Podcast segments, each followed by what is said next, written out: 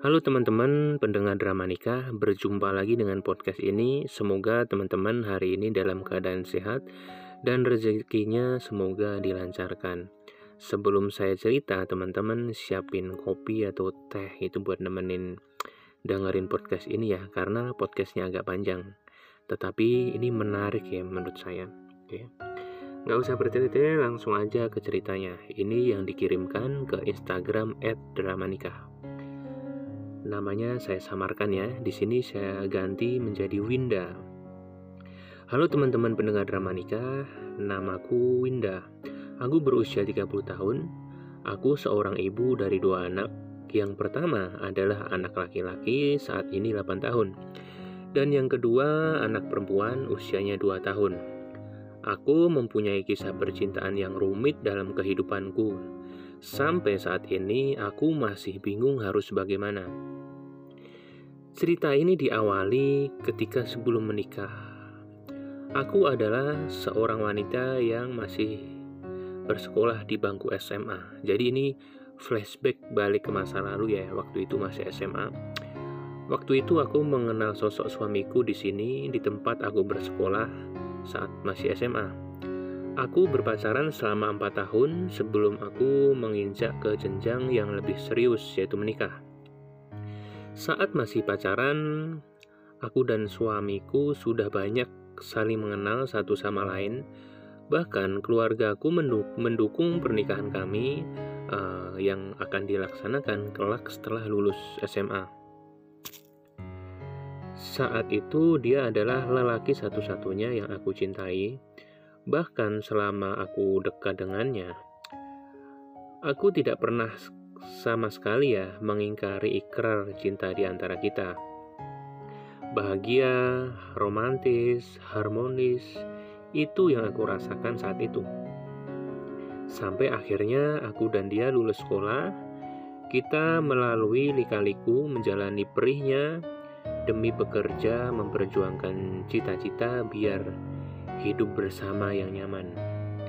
Nah, ternyata lelah kita membuahkan hasil uh, yang maksimal. Di mana tepat dua tahun kita bekerja, uh, kita selalu nabung, kemudian kita nyicil membeli mahar, dan bisa menggelarkan pesta pernikahan. Nah, tiba waktunya ketika kita menikah, hmm, kita waktu itu menikah uh, di gedung sewaan gitulah. Kita menggelar resepsi dan akad yang menurutku lumayan megah Rasa campur aduk, senang, eh, bahagia karena sudah resmi dan sudah halal menjadi istri dia.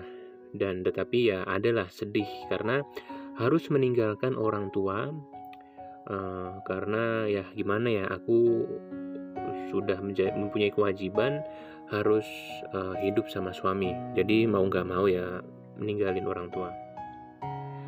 Oh ya, sebelum menikah uh, aku ini kerja di menjadi kasir. Menjadi kasir di suatu tempat sebut aja namanya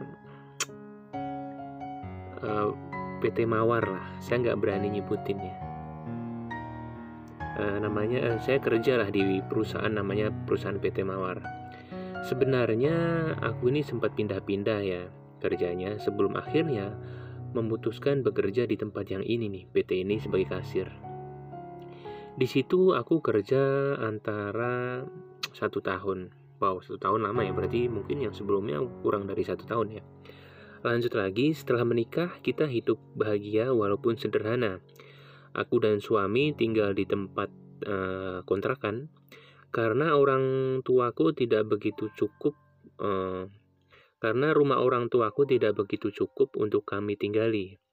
Dan rumah mertua atau rumah suami itu juga nggak begitu luas. Jadi aku dan suami inisiatif untuk mandiri lah. Kita mandiri tinggal di kontrakan.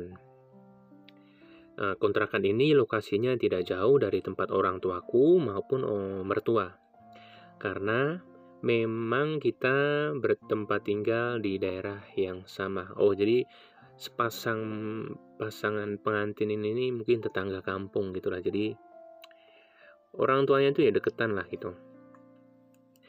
Nah, suamiku yang tadinya bekerja sebagai promotor di suatu tempat yang jual handphone harus keluar. Oke, jadi suaminya ini sebelumnya kerja di tempat jual HP.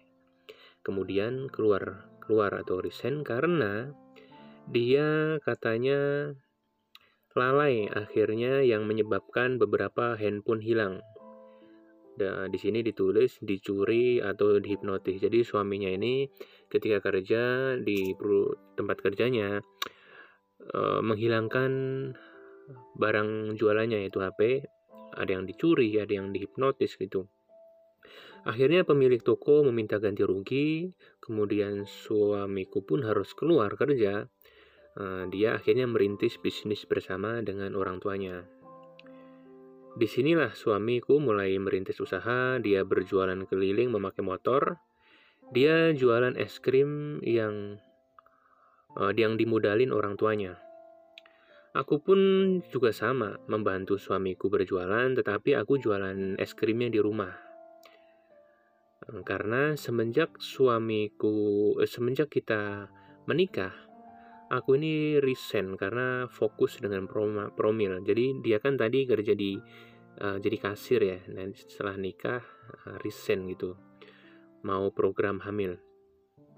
Jadi karena aku resign ya aku dikontrakan aja sembari jualan es krim dan suamiku ini kerja keliling jualan es krim ya mencari nafkah.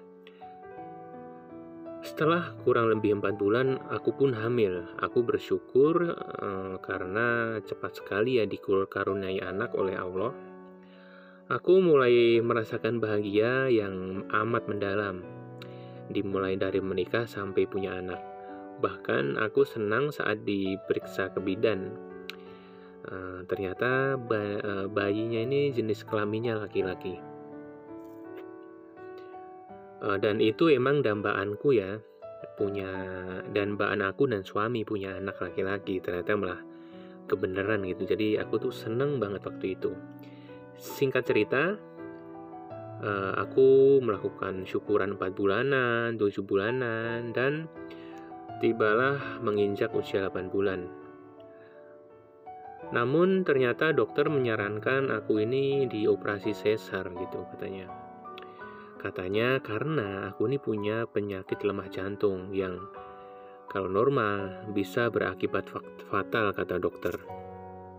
Akhirnya aku mengiyakan apa yang dikatakan dokter dan lahirlah seorang putra laki-laki bernama Kenji. Saya samarin ya, Kenji. Cerita ini agak ekstrim sebenarnya menurut saya. Jadi saya samarkan semua. Nama anaknya Kenji, ya. Nama samaran. Perasaanku senang sekali melihat bayiku lahir dengan selamat, meskipun aku harus menjalani operasi.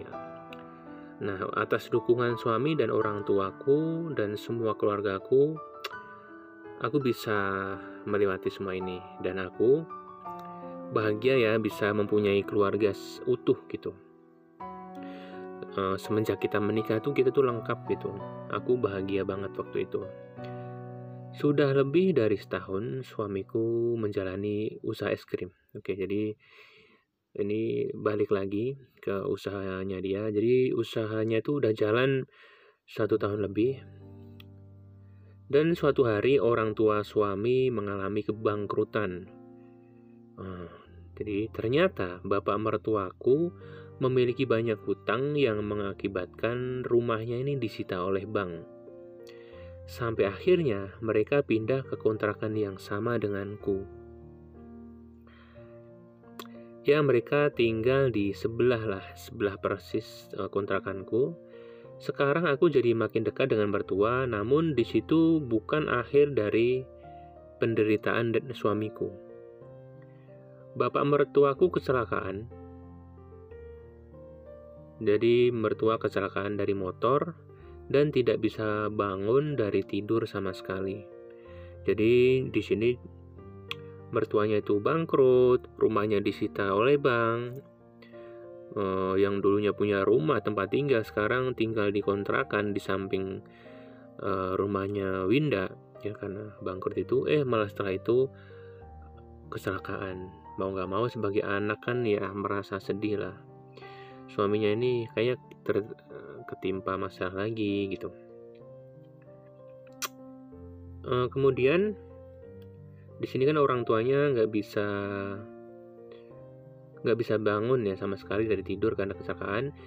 Ini berakibat e, mertua mertuaku ini nggak diberi nafkah karena bapak mertua nggak bisa kerja sakit. Jadi ibu mertua ini nggak punya uang karena nggak diberi nafkah mereka sangat malang sekali di sini ditulis ya. Tidak tidak bisa makan tidak bisa bayar kontrakan mereka hanya bisa minta uh, kepada suami. Selama tiga bulan suamiku memberi makan dan membayar kontrakan orang tuanya. Aku pun tidak masalah ya tetapi uang tidak bisa bohong. Tabungan kami sedikit demi sedikit menipis pada suatu ketika aku memutuskan untuk bekerja dan anakku aku lepas ASI. Dan yang menjaga akhirnya anakku ini uh, orang tu, uh, mertua, dijaga mertua. Suamiku sempat melarang, tetapi aku hanya ingin rumah tangga ini normal, tidak mau kesulitan ekonomi uh, yang mengakibatkan perdebatan dan perceraian. Jadi daripada kesulitan ekonomi, mungkin malah sering debat gitu takutnya cerai jadi aku mau gak mau ya udah deh bantu suami kerja gitu belum menginjak satu tahun usia anakku uh, yang namanya Kenji dan aku harus melepaskan ASI demi bekerja Oke, jadi intinya gini, belum satu tahun sedih lah. Saya maaf salah baca. Ini tuh sedih karena belum satu tahun kok melepaskan asinya itu demi membantu kerja suami dan mertua. Sebenarnya uh, orang tuaku mempermasalahkan ya keputusanku ini karena orang tuaku nih kasihan melihat anakku yang masih bayi kok harus jauh dari ibu kandungnya. Ya, walaupun beberapa jam saja sih dari tempat kerjanya, tapi orang tuaku sebenarnya tidak setuju. Uh, waktu itu aku melamar ke tempat karaoke untuk menjadi kasir dan aku diterima dengan cepat ya. Awalnya aku kasihan melihat anakku selalu menangis, tetapi aku bingung dengan keadaan mertuaku yang harus selalu dibayarkan uh, kebutuhannya. Tetapi ya penghasilan suami emang nggak begitu besar, jadi mau nggak mau ya aku kerja. Akhirnya tekadlah yang menguatkanku, aku betah bekerja di tempat karaoke ini. Di tempat karaoke semua orang ramah kepadaku, bahkan bosku selalu mengerti keadaanku. Dia mensupport aku agar tetap kuat mempertahankan keluarga kecilku ini. Saat bekerja di sini memang tujuanku untuk mencari modal dan bekal untuk keluargaku maupun uh, untuk membantu mertua. Uh, bahkan adik suamiku nih kadang selalu minta jajan ke ke suamiku ya. Itu menurutku sebenarnya nggak wajar. Suamiku ini kan sudah beristri, sudah punya anak, dan adiknya kan sudah dewasa, udah kerja, kok masih tidak bisa diandalkan uh, malah nggak membantu mertuaku atau orang tua dia lah yang sedang kesusahan. Kemudian aku dan suamiku selalu antar uh, bapak mertua check up ke rumah sakit dan ternyata bapak mertua ini dinyatakan lumpuh, tidak bisa jalan. Bahkan dia juga punya penyakit diabetes. Di situ Ketika aku dengar itu aku lemes banget. Sampai akhirnya setelah itu ya, aku kerja aku kerja uh, pergi pagi, pulang pagi, kemudian di rumah jualan es krim untuk membantu keluarga ya sampai badanku ini lelah, lelah banget. Aku tidak tahu ya, bahkan aku ini tidak saking sibuknya, tidak tahu perkembangan anakku karena terlalu sibuk mengejar uang.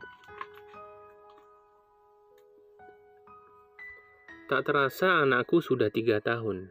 Udah lama berarti kerjanya. Tak terasa anakku sudah tiga tahun.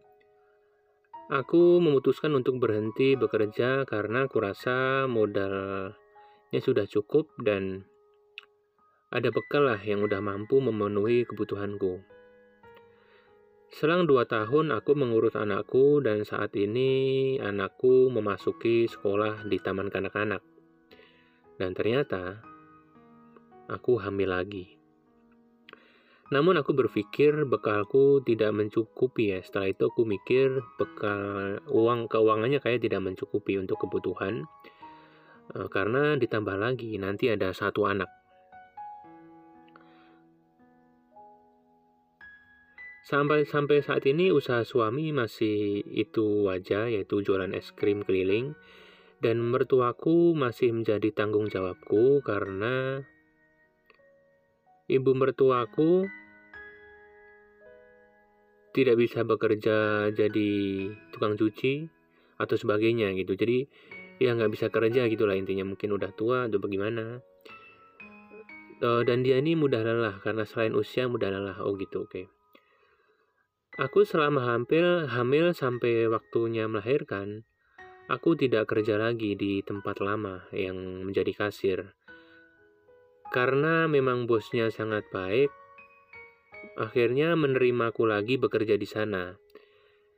Selama tujuh bulan aku bekerja di sana dan akhirnya aku melahirkan anak perempuan. Oke, jadi mungkin saya rangkum bentar ya. Jadi dia tuh sempat keluar gitu. Kemudian hamil anak perempuannya. Kena kena hamil itu dia kekurangan secara ekonomi, kemudian dia lamar lagi di, di tempat kerja yang lama sebagai kasir. Nah, di sini dia tulis uh, di sini setelah itu ada beberapa masalah berdatangan di kehidupan di kehidupan aku. Aku mulai bosan dengan pernikahanku yang monoton Aku dan suami selalu fokus kerja sampai kita nih lupa akan pasangan masing-masing. Bahkan setelah melahirkan, aku harus lanjut kerja lagi. Tidak cukup bagiku melihat nominal tabungan yang ada. Oke. Jadi di tabungan mungkin udah ngumpul tapi tetap pada fokus kerja ya. Selama ini aku selalu disibukkan dengan bekerja, tidak ada quality time dengan keluarga, bahkan seperti tujuan hidupku ini bekerja dan uang. Sangat disayangkan mertuaku meminta untuk aku lanjut bekerja dan kedua anakku ini uh, dia bilang uh, diurus saja olehnya. Aku kerja aja gitu. Oke, jadi saat aku bekerja, aku ini jarang pulang karena lelah bekerja dan stres dengan keadaan rumah. Aku selalu ingin istirahat, tetapi setiap aku pulang, aku hanya melihat rumahku kacau seperti kapal pecah. Uh, tak henti lelahku di tempat kerja, aku harus lanjut membersihkan rumah. Suamiku jarang turun tangan membersihkan rumah, karena dia juga harus menjaga anak-anak bergantian dengan ibu mertua. Oke, jadi Subinda akhirnya sering menginap di tempat kerjanya. Ini saya rangkum ya karena rumahnya ini mungkin ketika di tempat kerja capek, ketika sampai rumah berantakan, mau gak mau dia yang rapiin lagi, mungkin dia capek gitu. Jadi dia memutuskan untuk sering tinggal di tempat kerjanya. Lanjut lagi, pada suatu hari ada seorang customer yang aku kira awalnya laki-laki. Tapi ternyata dia ini adalah perempuan atau yang saat ini dikenal dengan perempuan menjadi laki-laki. Uh, orang ini aku kasih nama Chris saja ya. Chris cocok ya buat cewek atau cowok. Jadi dia itu kenalan dengan seorang yang sebelumnya dia kira perempuan, eh, di sebelumnya dia kira laki-laki ternyata perempuan. Nama dia, nama samarannya adalah adalah Chris. Ternyata dia dan aku cocok. Kita mengobrol, bercanda, bahkan aku selalu curhat dengannya apa yang aku rasakan saat ini. Apa yang aku keluhkan saat ini, bahkan dia pun selalu menitipkan uang untuk jajan anak-anakku. Aku tidak tahu motif apa yang membuat dia baik ke aku ya. Kemudian aku mengenal Chris sudah uh, selama tiga bulan. Aku merasakan nyaman, uh, pokoknya senang lah saat ngobrol dengannya. Seperti apa pun yang dia sarankan, itu bisa aku terima dan aku lakukan. Jadi dia sering ngasih saran-saran, si Chris ini ngasih saran dan masih bisa diterima sarannya. Awalnya aku menganggap dia ini teman curhat, atau bisa disebut sahabat. Namun aku heran. Aku makin nyaman bahkan seperti ada rasa sayang kepadanya. Namun aku selalu menyadarkan diri bahwa dia itu hanya perempuan yang menyerupai laki-laki. Lanjut lagi, eh, kita ini sudah akhirnya sudah lima bulan uh, sahabatan lah, dekat itu sudah sekitar lima bulan akhirnya dia ini uh, jujur bilang jujur tentang perasaannya ke aku. Aku pun tidak bisa berbohong, aku pun juga merasakan hal yang sama. Aku mencintai dia dan aku pun masih bingung ya, ini perasaan apa yang muncul gitu. Tetapi memang dia ini sangat baik, memperhatikan suamiku dan anak-anakku, sampai dia sering menginap di kontrakanku.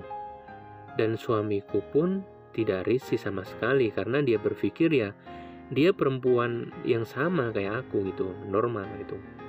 Padahal yang sebenarnya saat ini aku mempunyai hubungan khusus dengannya dan suami nggak tahu.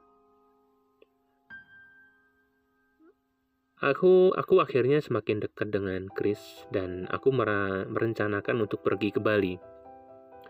Aku bilang ke suami bahwa aku telah dikeluarkan dari tempat kerjaku yang sekarang karena habis kontrak. Kemudian suamiku percaya. Lalu aku meminta izin untuk pergi ke Bali karena ada pekerjaan khusus di sana yang gajinya lebih besar. Awalnya suami tidak kasih izin. Eh, dan aku pun tidak ingin ke, tidak ingin bekerja membantu suami lagi. Mungkin ngancem gitu ya. Kalau nggak diizin ya udah aku nggak bantu gitu. Uh, itu asumsi saya ya. Di sini tertulis uh, suaminya nggak memberi izin dan aku pun tidak ingin bekerja lagi bantu suami gitu. Akhirnya aku diam saja di rumah mengurus anak-anak namun lama-lama suamiku stres karena harus membiayai dua anak satu istri ditambah membiayai orang tuanya, dimulai berobat, makan, sampai bayar kontrakan. Dan e, karena dia sudah sadar ya kita tuh kekurangan e e ekonominya kurang, suami akhirnya nyuruh aku bekerja kembali membantu memulihkan ekonomi. Seperti yang aku bilang, aku lelah ternyata selama ini tujuanku menikah hanya untuk mencari uang bukan kesenangan saja. Dari situ aku membujuk suami untuk pergi ke Bali bersama Chris. Lambat laun suamiku mulai luluh dan, mengizinkan aku untuk pergi jauh dari Bandung ke Bali. Aku pun pergi bersama Chris dan hidup bersama di Bali tanpa membawa anak. Benih cinta makin menjadi, eh, aku rasa benih cinta makin menjadi aku rasa kepada Chris waktu itu. Aku tidur bersama, bahkan melakukan hal zina lainnya. Aneh awalnya aku rasa Aku ngerasa bingung tetapi aku hanya mengikuti alur nafsunya saja. Dan di Bali aku ini tidak bekerja, hanya menikmati indahnya hotel, sejuknya pantai, mewahnya makanan restoran, dan senangnya shopping. Aku bahkan baru tahu kalau Chris ini ternyata orang kaya dia ini.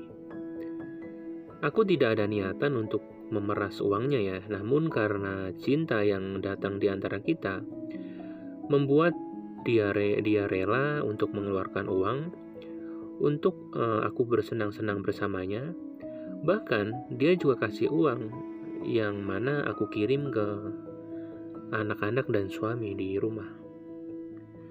Sudah beberapa bulan aku tinggal di Bali. Suamiku selalu menyuruh aku untuk pulang, dan namun aku selalu menegaskan, aku masih bekerja di sini, aku memiliki kontrak, dan kalau aku melanggar, maka aku akan didenda beberapa juta. Akhirnya suami menyesal telah mengizinkanku pergi jauh. Mungkin dia kesal ya dengan keadaan sekarang. Meskipun dia menerima uang dariku, tetapi secara batin dia tidak memiliki istri. Namun, namun bukan salahku sepenuhnya, karena dia juga yang menyuruh aku bekerja di sini, kemudian juga yang mengizinkan dia pergi jauh, itu dia. Tidak terasa sudah hampir satu tahun aku di Bali dan aku memutuskan untuk pulang ke Bandung karena aku sangat rindu dengan anak-anak. Namun aku salah. Ternyata Chris sekarang sangat posesif. Dia tidak mau aku berhubungan lagi dengan suamiku. Dia bahkan meminta aku untuk bercerai. Dan semua yang aku butuhkan akan ditanggung dia. Aku tidak berpikir ya akan jadi begini akhirnya. Aku kan masih istri sah suamiku. Aku juga masih memiliki perasaan kepada suamiku. Namun, Chris menentang dan mengancam akan membeberkan semua perselingkuhan ini. Bahkan dia akan meminta semua uang yang pernah ia kasih ke keluargaku. Aku sangat menyesal, aku bingung di titik ini, mana yang aku pilih. Aku memilih Chris, tetapi kehilangan suami. Tetapi jika aku memilih suami, aku harus menanggung semua pengembalian dan aibku tersebar. Setelah berkali-kali aku membujuk Chris, akhirnya dia mengizinkan aku pulang ke Bandung dengan syarat harus kembali lagi ke Bali. Hidup bersamanya, bahkan meskipun aku membawa kedua anak, dia izinin. Aku boleh membawa dua anak hidup bersama dia. Singkat cerita, aku telah sampai di Bandung. Aku sangat merindukan anak-anakku, bahkan jujur aku merindukan suami. Namun, saat ini aku terjebak cinta segitiga. Aku setiap hari memikirkan gimana caranya agar aku bisa lepas dari Chris. Namun, tidak ada ide yang muncul di pikiranku. Aku hanya pasrah jika aku bercerai dengan suami. Uh, penyesalan memang selalu di akhir. Sudah satu bulan aku tinggal di Bandung. Hampir setiap hari, Bahkan setiap waktu Chris ini menghubungi aku, tetapi tidak aku gubris. Mungkin lama-lama dia merasa kesal dengan sikapku yang sangat dingin terhadapnya, sampai dia ini berani datang ke kontrakanku dengan alasan ingin menjenguk anak-anakku. Begitu dia pintar, ingin mengambil hati anak-anak dan juga suami. Chris mengobrol dengan suami dan menjanjikan modal untuk usaha jika dia mengizinkan aku untuk pergi ke Bali. Suamiku tidak langsung mengiyakan karena mungkin dia harus bingung ya merelakan istrinya untuk pergi lagi. Namun, Chris mengancam denda sebesar 7 juta jika aku bekerja jika aku berhenti bekerja. Karena kata dia dia harus eh, karena kata dia harus mengganti uang pesawat, uang kontrak yang dihentikan sepihak. Suamiku pun hanya melamun dan memikirkan semua itu. Di sini pun keadaan mulai keruh, aku sering berselisih dengan suami, dan Chris tidak henti minta penjelasan ya, uh, kapan aku kembali gitu. Di posisi ini aku sangat pusing harus milih yang mana sampai aku punya pikiran untuk bunuh diri. Namun, Kalau aku bunuh diri, gimana kelak anak-anakku? Aku tidak berani cerita ke, si ke siapa pun soal ini. Aku tidak mau aibku tersebar. Dan tibalah Chris datang ke kontrakan menagih semua janjinya. Aku pun pasrah dan jujur ke suami kalau aku sebenarnya memiliki sedikit hubungan dengan Chris. Dan duar di situ langsung adu mulut terjadi antara Chris, suami dan aku. Bahkan anakku sampai dibawa oleh tetangga ya, karena keributan ini besar gitu. Uh, Akhirnya ketika tetangga datang, berdatangan, keributan ini berhenti seketika. Uh, ini sangat di luar nalarku ya. Ini salahku berkali-kali aku Oke, jadi dia bilang ini salahku, aku berkali-kali banting kepala ke tembok. Ya, dia mungkin dia bilang ini salahku, ini salahku gitu ambil sambil banting kepala ke tembok. Karena menyesal, nasi sudah jadi bubur dan semua aib sudah terbuka di hadapan suamiku. Di malam itu pun aku diajak pergi oleh Chris, namun aku sedikit sedikit uh, memilih suami karena dalam benakku adalah aku ini wanita dan pasanganku adalah laki sejati. Tetapi Chris meminta ganti uang yang sebelumnya ia pernah jelaskan. Aku ingin menangis, teriak, ingin bunuh diri, pokoknya semua lah campur aduk. Tidak ada jalan lagi, bahkan suamiku pun tidak mau melihat wajahku sedikit pun. Malah dia ini setelah tahu semua itu menyuruhku untuk untuk pergi bersama Chris. Kemudian eh, anak-anak masih bersama suami. Aku sebenarnya menolak untuk dipisahkan dengan anakku, Bagaimanapun jeleknya aku, mereka tetap anak-anakku yang telah aku lahirkan. Singkat cerita, di malam itu aku pergi bersama Chris, dan sampai saat ini aku tinggal di Bandung, membangun usaha kecil, tepatnya di daerah Cicalengka, Antapani. Lebar ya jalan itu ya, saya nggak mau nyebutin pastinya di mana. Aku merintis usaha kecil bersama Chris. Tapi kadang suamiku nih nelpon uh, menanyakan anak-anak. Oke, jadi berarti di sini anak-anaknya dibawa juga ya. Sampai detik ini statusku masih menggantung, aku tidak bercerai. Tetapi suamiku sudah lebih dari enam bulan tidak memberi nafkah Hmm, iyalah. Lanjut. Tetapi di antara kita tidak ada yang mau mengurus perceraian ke pengadilan. Meskipun Chris selalu mendesak agar aku untuk bercerai.